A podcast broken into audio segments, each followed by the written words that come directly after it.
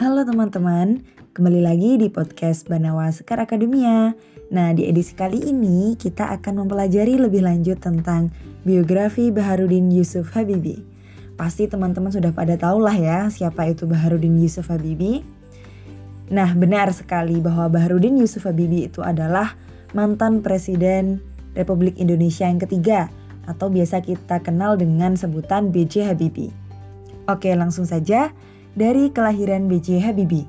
Habibie ini adalah anak keempat dari pasangan Alwi Abdul Jalil Habibie dan juga Raden Ajeng Tuti Marini.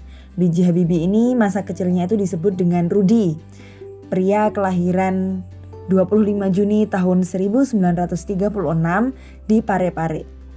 Nah, masa kecil Rudi ini sangat senang menyanyi, berenang, bermain layang-layang, berkuda, main kelereng, dan permainan-permainan tradisional lainnya. Rudi kecil ini adalah seorang anak yang rajin, periang, dan taat beribadah. Saking senangnya belajar, kadang Rudi itu lupa untuk keluar, keluar rumah bermain bersama teman-temannya.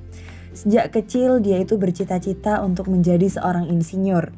Padahal pada masa itu pekerjaan insinyur itu masih sangat jarang ditemukan di daerah Indonesia, tapi karena uh, tekadnya Rudi sejak kecil yang memang dia suka membaca sehingga dia mempunyai pemikiran yang luas. Dia sejak kecil memang sudah bertekad untuk bertekad untuk menjadi seorang insinyur. Lalu ketika Rudi berumur 13 tahun, Rudi ini kehilangan ayahandanya tercinta yang meninggal ketika ayahandanya ini mengimami sholat jamaah isya di keluarganya. Sejak saat itu, Ibu Rudi yaitu Tuti bersumpah bahwa ia akan menyekolahkan semua anak-anaknya setinggi mungkin. Dan ternyata memang itu bukan hanya sekadar perkataan biasa. Tuti benar-benar banting tulang untuk mencukupi kebutuhan keluarga. Menurut Tuti, pendidikan itu adalah sebuah warisan yang nggak bisa ditawar untuk masa depan anak-anaknya. Lalu ketika Rudi menginjak usia SMP, Tuti memutuskan untuk menyekolahkan Rudi ini ke Pulau Jawa agar mendapatkan pendidikan yang lebih baik. Di situlah Habibi atau Rudi bertemu dengan Ainun yang tak lain adalah istrinya ketika mereka menginjak bangku SMP. Sekolah mereka itu berdekatan, jadi mereka dari situlah mereka kenal karena sekolahnya berdekatan.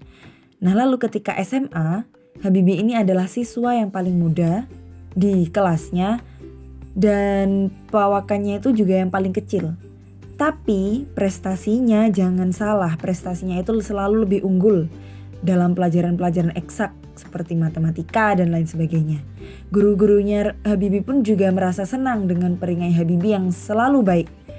Nah dari situ di SMA inilah Habibi dan Ainun itu sering diolok-olok oleh teman-teman mereka. Uh, diolok-olok untuk menjadi sepasang kekasih. Lalu ketika menginjak kelas 2, kelas 2 SMA, ibunya Habibi ini menyusul Habibi ke Pulau Jawa untuk mendampingi pendidikan putranya. Nah, lalu singkat cerita Habibi lulus SMA dan dia diterima di ITB dan ketika belum genap satu tahun ternyata Habibi ini pindah studi ke Jerman. Hal itu tentunya juga atas dorongan dan uh, dukungan dari ibundanya yaitu Tuti.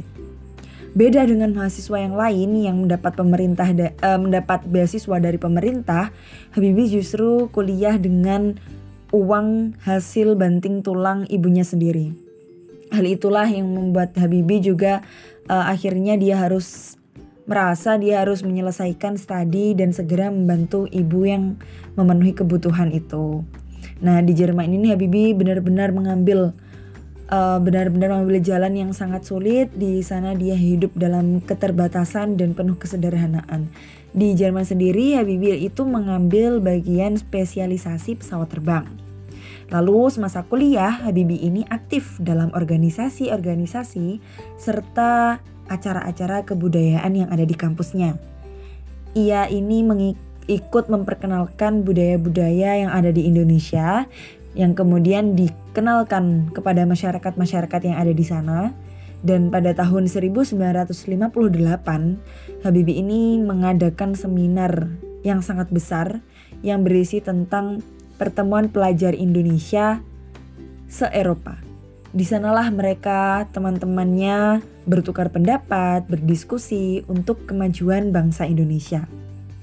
Sam, uh, pas persiapan itu, persiapan kegiatan itu, Habibie itu sampai jatuh sakit dan dikira telah meninggal.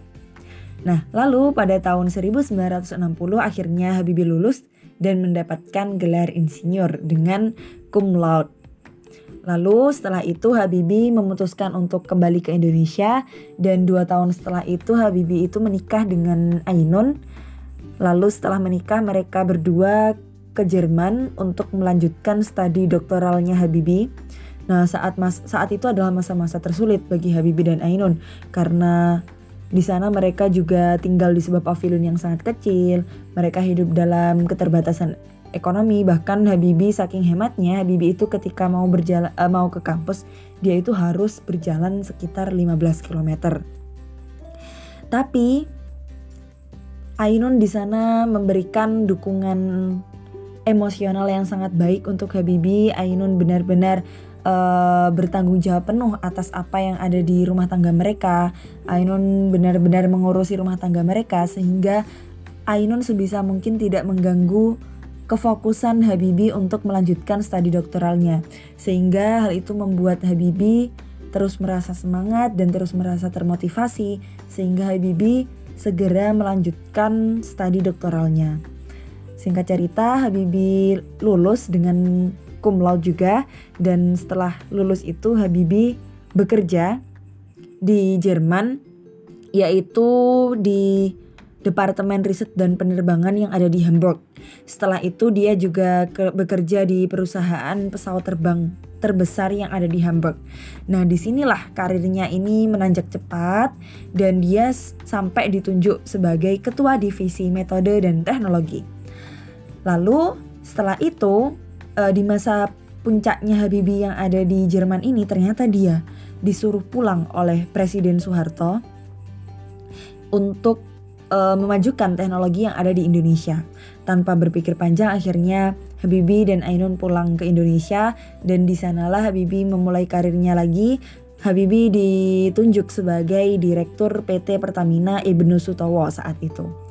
Lalu pada tahun 1998 terjadilah masa-masa kritis dalam uh, dalam sejarah di Indonesia. Saat itu sampai Presiden Soeharto ini harus mengundurkan diri dari jabatannya. Dan ketika itu memang Habibie itu sebagai wakil presiden dan dia disuruh oleh Pak Soeharto ini untuk menggantikan menggantikan posisi presiden Pak Soeharto. Lalu akhirnya B.J. Habibie menjadi presiden saat itu pada tahun 1998 tapi hanya sampai 1999. Di sinilah Habibie disebut sebagai presiden dengan masa jabatan terpendek di Indonesia. Nah lalu setelah dia selesai masa jabatannya menjadi presiden, Habibie ini kembali ke Jerman dengan istrinya uh, dengan uh, dengan alasan dia ingin mengobati istrinya. Karena istrinya ini mengidap penyakit, lalu akhirnya Habibie memutuskan untuk ke Jerman untuk melakukan pengobatan untuk istrinya. Nah, pada tahun 2010 ternyata istrinya meninggal dan saat itu Habibie benar-benar terpukul. Habibie benar-benar hampir kehilangan motivasi untuk hidup. Habibie seperti orang yang kehilangan dunia saat itu. Lalu Habibie Mau tidak mau dia juga harus tetap melanjutkan kehidupannya. Akhirnya dia kembali ke Indonesia untuk menikmati masa tuanya.